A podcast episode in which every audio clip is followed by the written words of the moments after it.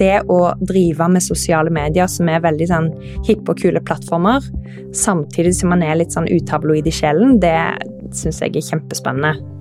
Det er jo òg handler jo om at eh, man kan på en måte ikke være for kul.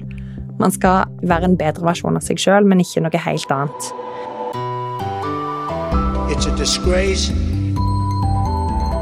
And I think they ought to apologize to start with. Dominere mediebildet. A failing media. Pile of garbage. False and fake, fake, fake, fake, fake, fake.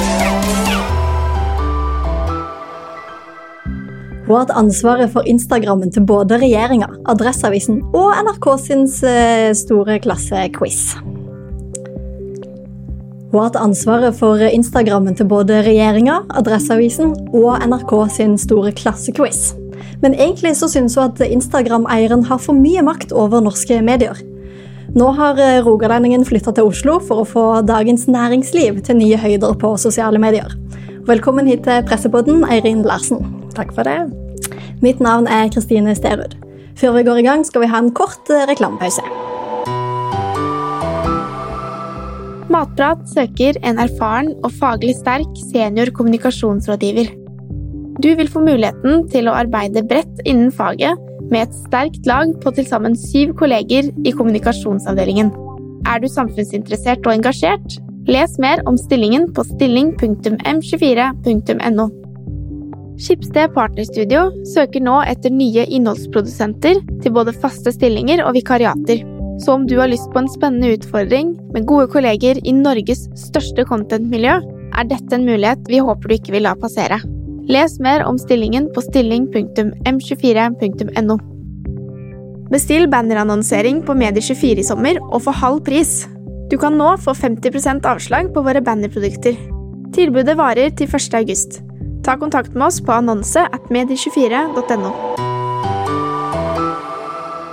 Eirin Larsen, nå er du tilbake i Oslo, kan man jo si, og du er nå sjef for sosiale medier i Dagens Næringsliv.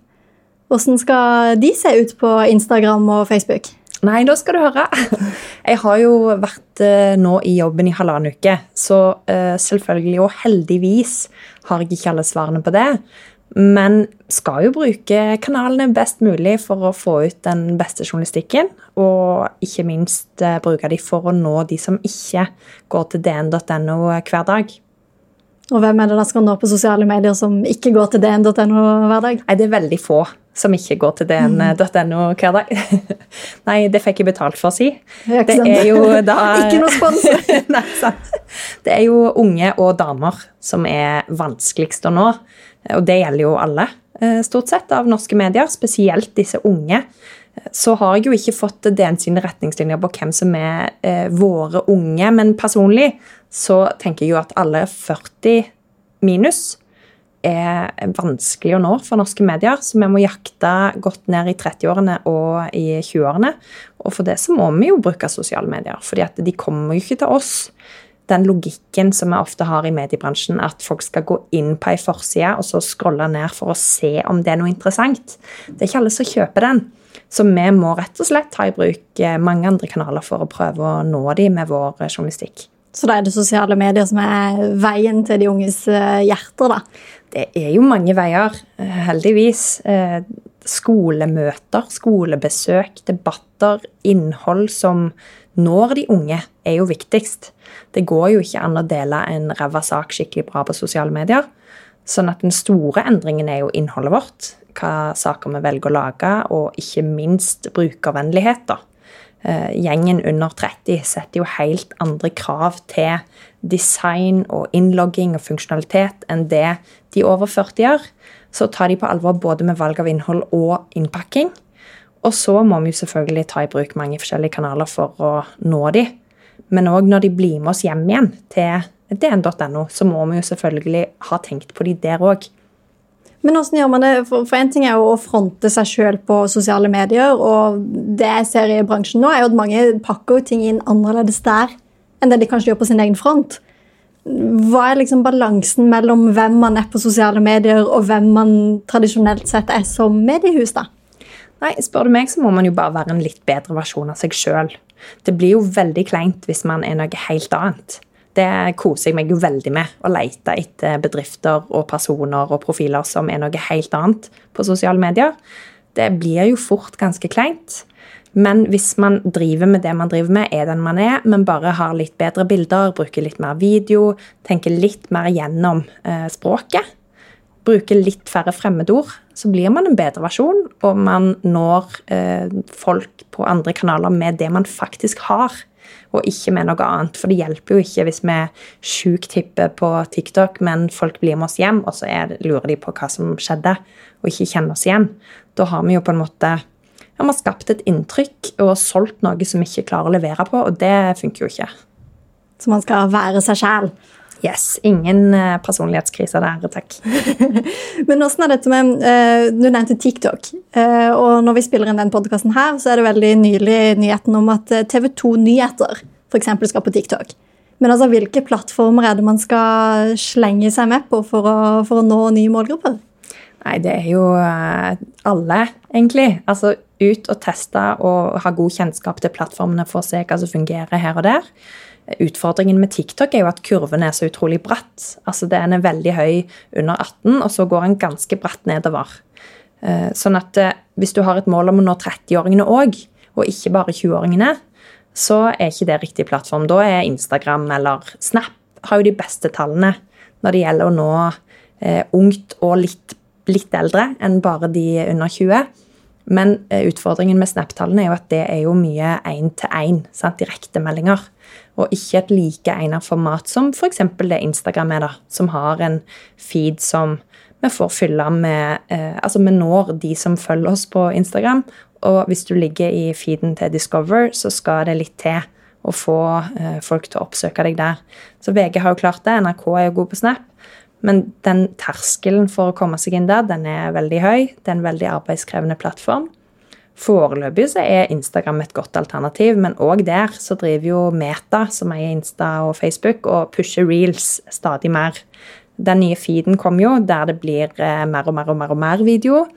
De vil jo utkonkurrere TikTok. Ja, de ligner mer og mer på TikTok. Ja, Og bildeposter går jo ikke så veldig godt om dagen, som var det Instagram starta med. sånn at det er jo mye å følge med på. Og vi må jo alltid prøve å eh, veie opp det vi vet at er plattformeierne sin intensjon med en plattform, og det som er vår. Eh, og prøve å balansere det best mulig, da. For det er jo vanskelige plattformer å være på. Ja, hva, hva tenker du er krasjen mellom hva de ønsker og hva dere ønsker? Nei, f.eks. hvis eh, hovedproduktet vårt er stillbilder, og de vil kun ha videoer, så er jo det vanskelig for oss å være der. Eh, nå har vi jo en del video, sånn at eh, per nå går det greit. Men hvis man ser at allerede så er det jo nesten helt umulig å få lenkeklikk fra TikTok Nei, eh, fra, der ser du. Fra Instagram. Eh, og det betyr jo at hvis noen gikk på Instagram med den intensjonen om å drive trafikk, så må de ta en vurdering på om de fortsatt skal være der når det ikke går an lenger. Eh, men for DN så jo, er jo poenget med Instagram å rett og slett nå ut og prøve å bygge kjennskap og nå folk som som ikke vet hva DN er, og hva DN driver med. Så, så, da er det verdt å være der med det formålet. Men man må eh, vite hvorfor man er et sted, og hva man vil. Eh, og hvis det er sånn at plattformen rigges sånn at det går på akkord med det du ville der, så må man jo selvfølgelig evaluere og vurdere, og det må man jo hele veien med alle plattformer. Jeg tenker litt på, altså, fordi sånn som på Instagram, Det verste jeg ser på Instagram, ikke det verste, men noe av det verste, enn når du får et bilde som er litt fengende fra en eller annen sak. Så står det liksom kanskje et kort sitat eller bitte litt om saken. Og så står det sånn Les mer på link i bio. Er link i bio levedyktig, eller er det noe vi burde slutte med? Nei, det er jo For meg er nyansen i det du sier med et kort sitat. da. Eh, jeg vil jo alltid gi litt mer, sånn at lenkebio blir en sånn Det blir et ekstra tillegg, et tilbud, både for at vi vil at folk skal kunne lese mer, men òg for, altså for, å få trafikken. Men vi vil òg eh, fortelle at vi har mer. Altså, du virker jo, virker jo, mye tyngre hvis du viser at hos oss er det alltid mer informasjon. Vi har alltid mer, vi har alltid flere nyhetspoeng, vi har flere kilder. Um, men hvis du, bruker, hvis du kjører clickbait, så kan det jo fort være litt irriterende. Hvis du gir for lite. Eh, og det, det, er jo mye å be om at folk skal inn til link i bio som regel. Det er jo litt lettere fra Story. Da er det jo, nå er det jo to klikk istedenfor ett. Eh, da det var sveip opp, så var det jo enda litt lettere. Men eh, da de la på en knapp, så gikk jo trafikken ned der òg. For Meta har jo ikke lyst til at du skal forlate Instagram. De vil jo at du skal videre til neste story. Og de vil jo ikke at du skal inn på link i bio, de vil at du skal til neste post, som kanskje nå blir en reel, sånn at det blir enda vanskeligere å finne. Så ja. Det du, du, har jo vært litt eh, forkjemper for at vi ikke skal la oss styre for mye av Meta. Nå nevner du jo mye 'de vil det, de vil det, de vil det', og det vil ikke nødvendigvis vi.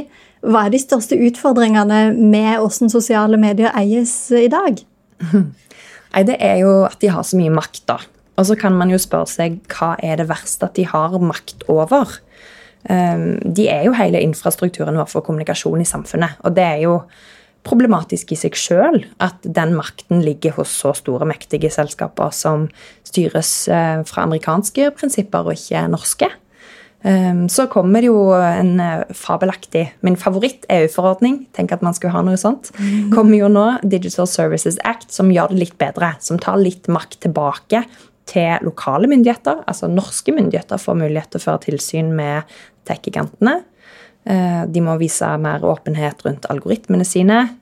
Eh, og det som blir ulovlig eh, offline Det som er ulovlig offline, blir også ulovlig online. Sånn at det gjøres et godt lovarbeid der, men det er jo fortsatt utrolig krevende. Og for mediene så er det jo det at redaktøravgjørelser overstyres. Det er jo problematisk når en journalist ikke kan bruke de virkemidlene man vil for å presentere saken sin. Fordi, fordi bilder blir sensurert eller strider mot retningslinjer? eller? Stemmer. Og de retningslinjene er jo litt merkelige for oss som bor i Norge. Fordi at de, vi syns jo det er ok å se en pupp når saken handler om brystkreft. Men det syns jo ikke puritanske brukervilkår fra California. Frances Haugen, eh, Facebook-varsleren, hun fortalte om at i Meta så snakket de om at eh, Eller Facebook, da, heter det da hun jobbet der fortsatt. Snakket om at i Sverige kan man gå rundt toppløs på gata, og ingen reagerer. Det vet jo vi er feil, men jeg korrigerte ikke hun på det. Men i Doha så er det kontroversielt å vise håndledd. Mm. Så de er veldig bevisst på denne problemstillingen, men har foreløpig ikke gjort noe med det. da. Og så er det jo, vil jo vi i mediene, da. Vi vil jo ha en spesiell stilling på disse plattformene. fordi at vi er jo ikke vanlige brukere. Vi har jo en spesiell rolle, et spesielt oppdrag. Så vi har jo lyst på bedre vilkår. Vi vil jo at når, eh, når de vil eh, Når Facebook f.eks. vil ta ned en post fra et norsk medie, at de skal ta kontakt og spørre og forklare hvorfor de vil ta den ned, og ikke bare fjerne eventuelt bare fjerne den uten å si ifra, eller bare shadowbandet, altså at uh, han blir liggende ute. Vi tror at han blir spredd, men de har i hemmelighet stengt spredningen av den og òg begrensa rekkevidden til sida vår videre. Så um, det pågår jo både denne fantastiske EU-forordningen, men uh, norske medier forhandler jo òg med Google og Meta det var jo et møte hos kulturministeren som hun tok initiativ til mellom de og norske medier. Eh, og kulturministeren tar jo òg dette opp videre i høst med sine nordiske kolleger. Sånn at det går jo forskjellige spor her. Det er jo i hvert fall helt tydelig at uh, vi er ganske prisgitt i sosiale mediene sånn som, uh, sånn som det er i dag. 65% av nordmenn er innom daglig. Nordmenn over 18, men fortsatt. Det er um, svære krefter kan norske medier gjøre noe? Altså, det er jo liksom EU, det er kulturministeren som må kalle inn folk til møter. Kan liksom lokalavisene rundt om i landet gjøre noe? Kan de mediehusene i Oslo gjøre noe? Hvor er det liksom vi skal sette inn støtet, da? Ja, altså, nå ryker jeg på, på drømmen min igjen, altså. Men mm. det er jo mulig å lage en plattform for nyheter.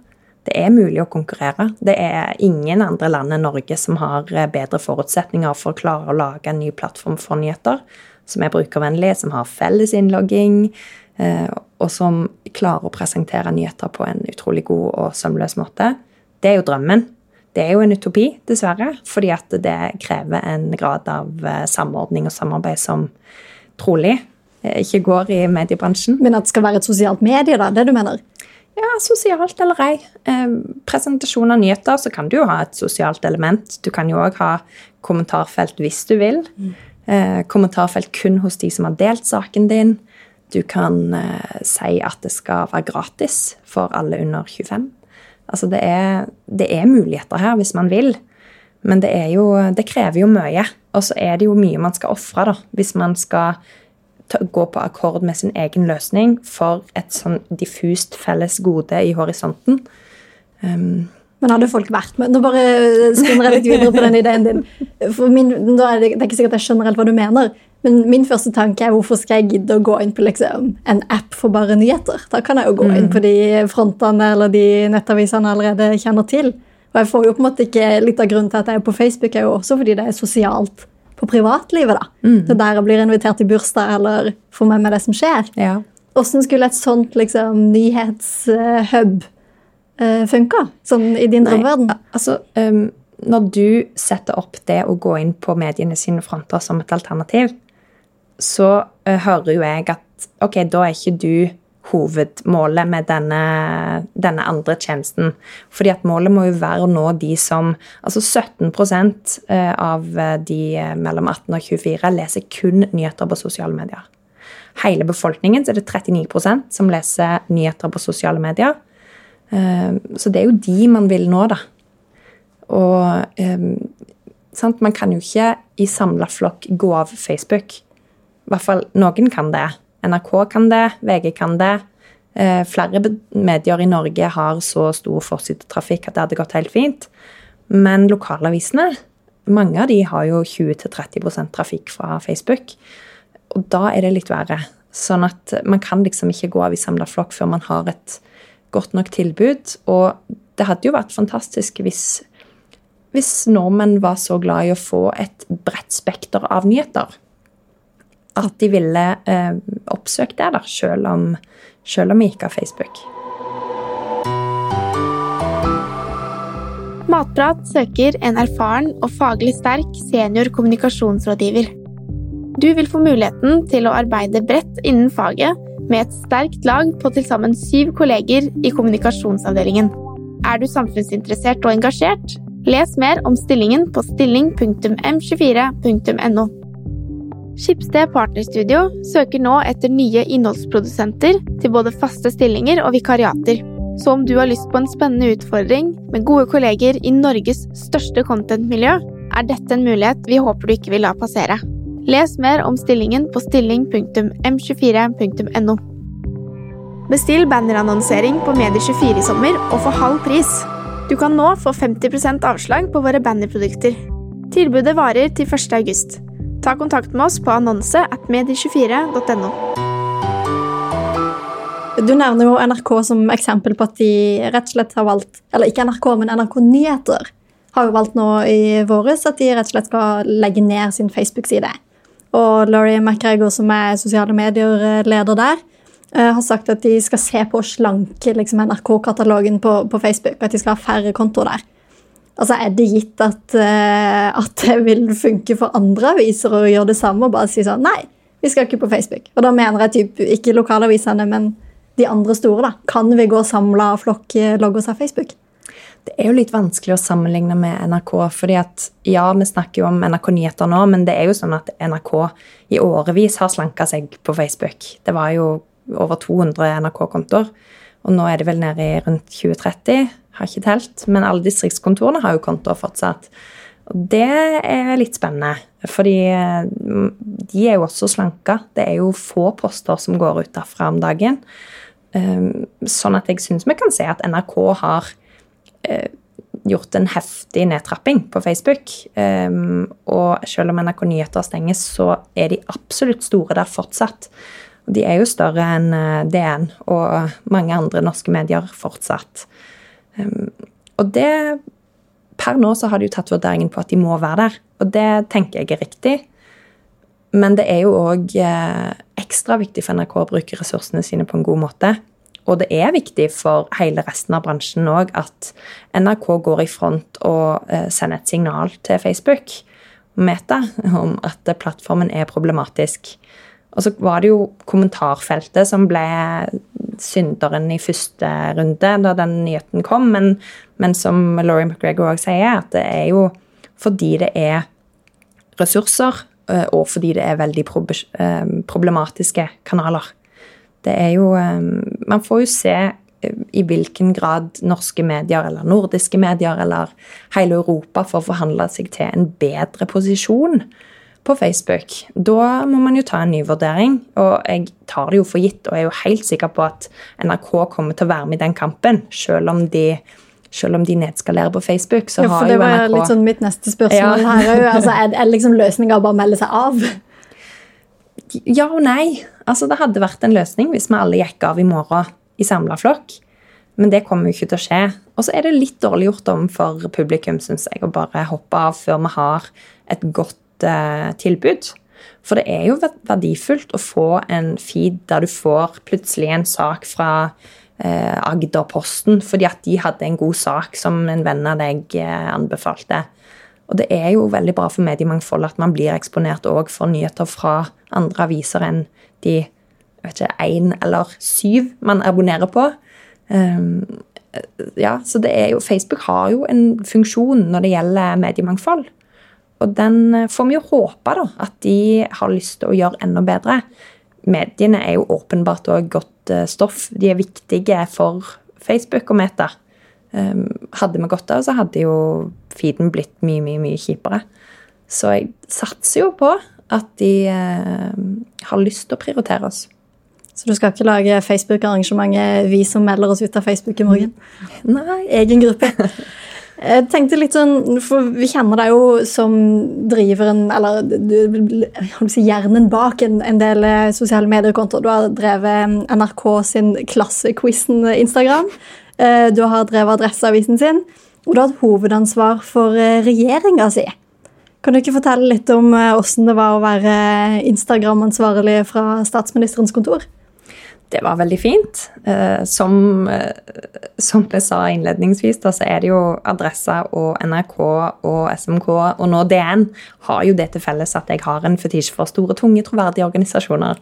Sånn at det å drive med sosiale medier som er veldig sånn hippe og kule plattformer, samtidig som man er litt sånn utabloid i sjelen, det syns jeg er kjempespennende. Det er jo òg handler jo om at eh, man kan på en måte ikke være for kul. Man skal være en bedre versjon av seg sjøl, men ikke noe helt annet. Så sant, For regjeringen òg, for departementene, der er det jo kommunikasjonsavdelingene, altså byråkratene, som driver regjeringen. Og så driver jo eh, politikerne sine egne. Sant? Så det er godt og atskilt. Um, men det handler jo der òg om gode tekster, gode bilder, grafisk profil. Um, egentlig er det samme på måten å selge altså det, det, som kanalen krever, er på mange måter det samme. Og så er det jo selvfølgelig andre vurderinger for hva man publiserer og, og sånn. Men det, det var veldig, veldig, spennende å se departementene på, fra innsida og bli kjent med alle de fine folka der. Hva har du lært fra å være på kommunikasjonssida til å komme tilbake til journalistikken? Ja, det har vært mer nyttig enn jeg trodde, kanskje det er jo litt synd at det er så mange journalister som går over til the dark side, og litt for få som kommer tilbake igjen.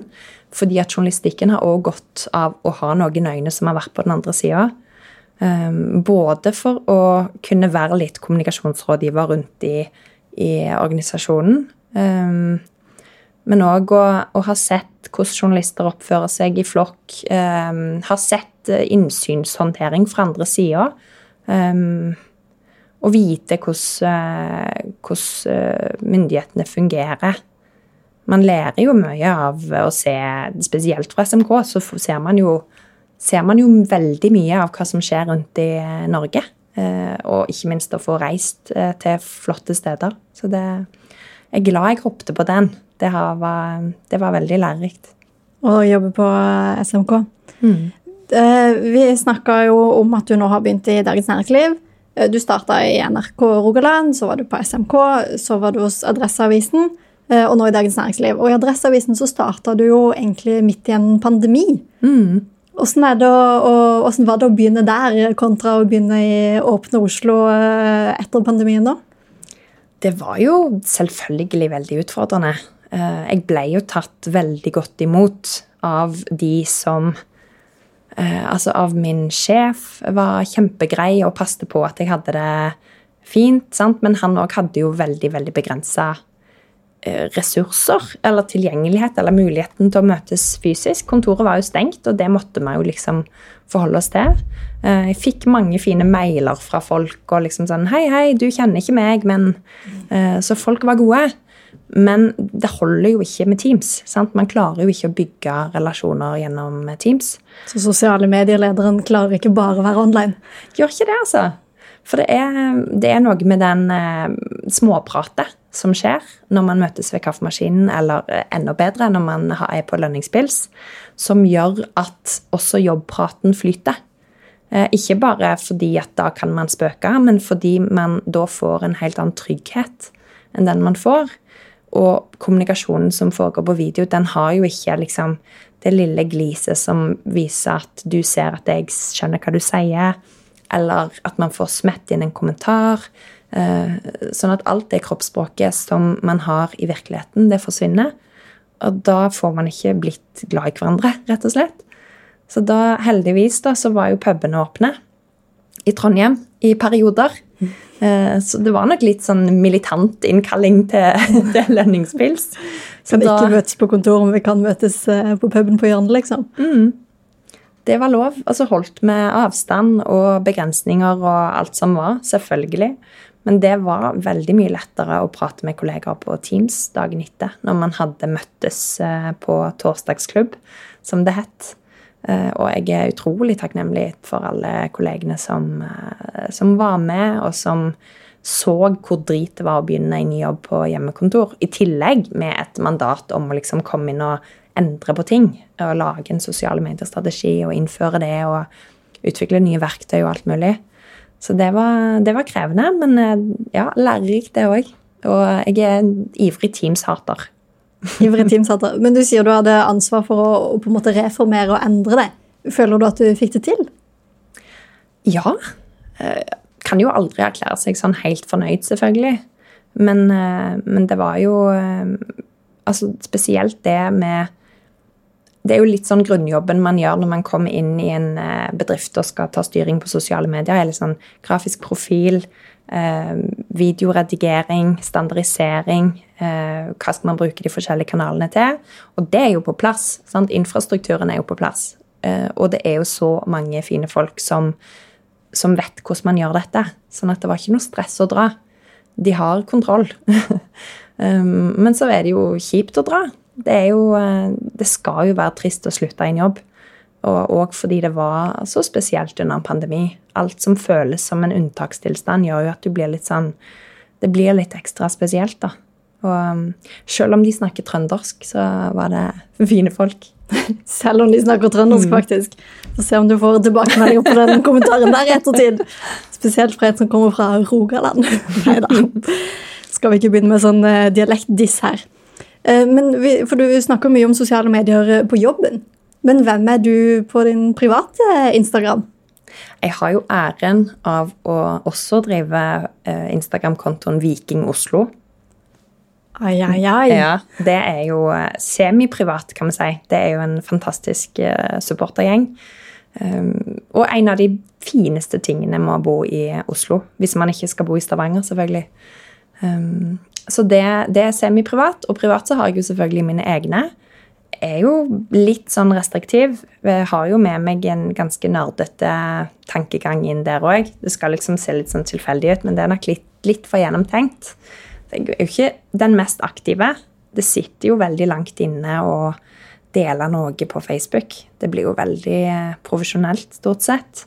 Eh, Instagram litt mer personlig. Snap helt eh, privat. Så ganske i tråd med I tråd med kanalene der òg. Ja, på hvilken du bruker på hvilken måte? Ja. Det Man vil jo ikke legge ut liksom video fra utdrikningslag på Facebook. Det det var jo det vi gjorde da Facebook kom. Da gikk vi på fest, tok bilder på festen, la ut, tagga alle vennene sine. Veldig glad den tida er forbi. Får du ikke sånne eh, minner? For tolv år siden la du ut dette bildet. Jo, gjør det. Og Det så, er gøy. og så gremmer man seg litt. Litt gøy og litt sånn hjelpes. Ja, og så har jeg jo vært gjennom det, sant? sånn at jeg ser at det er kun tilgjengelig for meg. Og da går det litt bedre. Ikke sant? Vi skal egentlig begynne å runde av den praten her, men jeg har lyst til å prate litt med deg hva som er en god eh, Instagram-post. Så det jeg lurte på, var om du rett og slett kan hjelpe meg å lage Instagram-posten for denne podkastepisoden. Hva ville du ha gjort da? Ja, hva er det mest tabloide jeg har sagt? Jeg har jo egentlig holdt igjen ganske godt på kjepphestene mine, da. Ja, Vi har tid til en liten kjepphest på slutten hvis du vil Ja, komme med den hvilken skal jeg velge? Kanskje den mest instavennlige kjepphesten er at eh, At en ræva video er først og fremst ræva, eh, dernest kostbar. På hvilken måte da? Nei, altså det har jo vært en sånn videosyke. Og det er jo det Meta og gjengen holder på å pushe òg, fordi at de har lyst til å utkonkurrere alle andre plattformer. Men eh, død over talking heads. Eh, man trenger ikke å lage video for å lage video. Ofte er det fint med en eh, post. Og så heller ta og film når du ser noe som fortjener å bli filma. Mange av oss, spesielt de som har vokst opp med mobilen, de vil jo ofte, når de har fri, ta opp og bare Oi, det må filmes. Men å ikke ha den samme reaksjonen på jobb. Fordi at da tenker man at da er man på jobb, da er man journalist. Men eh, å liksom utfordre seg litt på å også filme hvis det er noe som åpenbart eh, trenger det. Og så trenger det jo ikke å gjøre så utrolig eh, omfattende. Man kan jo på en måte filme en situasjon og så ta et lydopptak som man legger oppå, med personen som forklarer hva som skjer. Så å um, Så, det, så den videoen vi ofte legger ut etter pressepodden med at gjesten sitter i studio, så har vi teksta akkurat hva de sier, og så legger vi det på sosiale medier. Det skal vi ikke gjøre i denne, på denne episoden. Det er det du sier. Altså, dere har jo litt mer eh, Hva skal man si um, Hardcore publikum enn de fleste aviser. Dere vet jo enda mer om hvem leserne deres er, og de er spesielt interesserte. Så jeg vil jo tenke at dere har et bedre utgangspunkt eh, for å kunne gjøre det, fordi at dere har en smalere målgruppe og kjenner leserne deres bedre. Men typisk eh, person du har hørt snakke veldig mange ganger før, som ikke sier noe helt spesielt, da er det mye mer gøy å se et bilde av hva han gjør, eller et eller annet som skjer, eller en helt annen sak. For det, ja, det handler jo ikke bare om hvordan du publiserer en sak på sosiale medier, men hvilke saker du velger å nettopp publisere, fordi at de har et eller annet spesielt i seg som gjør at de fortjener den ekstra plattformen, da. Fortjener å bli sett. Og da, da er det jo ofte den mest engasjerende saken eller den viktigste. Og hvis den viktigste er dritkjedelig og har stygge bilder, så har du jo ikke gjort jobben din. Fordi at jobben din er jo å gjøre den viktigste saken engasjerende i tillegg. Og ikke ved å bruke kattevideoer og 5000 emojier. Ingen katt på denne posten her, det er notert. Du sier du har flere kjepphester. Eh, Hvis du skal trekke fram en siste kjepphest eh, nå de siste minuttene, hva vil det være? Kommentarfeltet består av ekte mennesker. Det er jo lett å glemme iblant når man sitter og eh, banner over alle ressursene man må bruke i kommentarfeltet. Men eh, verden hadde jo vært et bedre sted hvis vi hadde tatt kommentarfeltet på alvor fra starten. Og ikke bare vi som i mediene, men alle norske store Facebook-sider. Eh, Norge er jo et veldig fint land sammenlignet med USA på Facebook. Men eh, vi tok nok litt lett på den jobben som krevdes. Publiserte litt for mye, drev med litt for mye monolog. Eh, og hvis vi hadde tatt det på alvor og prata med folk der òg Det er jo en person som ringer inn til en redaksjon, blir jo prata med. En person som skriver noe i kommentarfeltet, er jo også en person.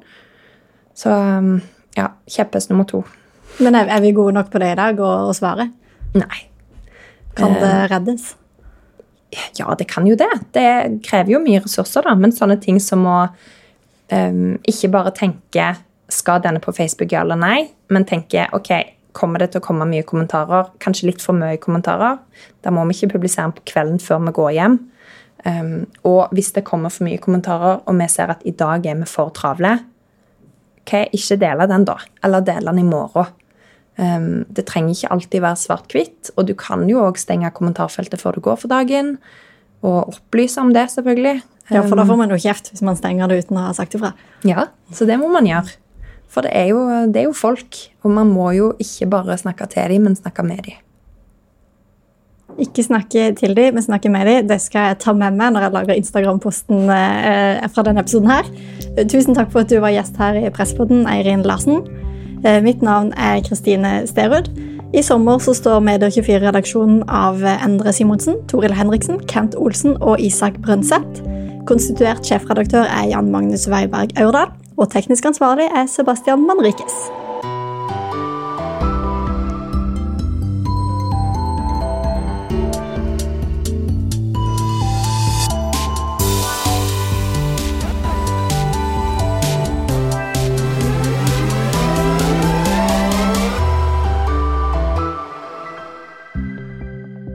Matprat søker en erfaren og faglig sterk senior kommunikasjonsrådgiver. Du vil få muligheten til å arbeide bredt innen faget med et sterkt lag på til sammen syv kolleger i kommunikasjonsavdelingen. Er du samfunnsinteressert og engasjert? Les mer om stillingen på stilling.m24.no. Skipsted Partnerstudio søker nå etter nye innholdsprodusenter til både faste stillinger og vikariater. Så om du har lyst på en spennende utfordring med gode kolleger i Norges største contentmiljø, er dette en mulighet vi håper du ikke vil la passere. Les mer om stillingen på stilling.m24.no. Bestill bannerannonsering på Medie24 i sommer og få halv pris. Du kan nå få 50% avslag på våre bannerprodukter. Tilbudet varer til 1. august. Ta kontakt med oss på annonse at medie24.no.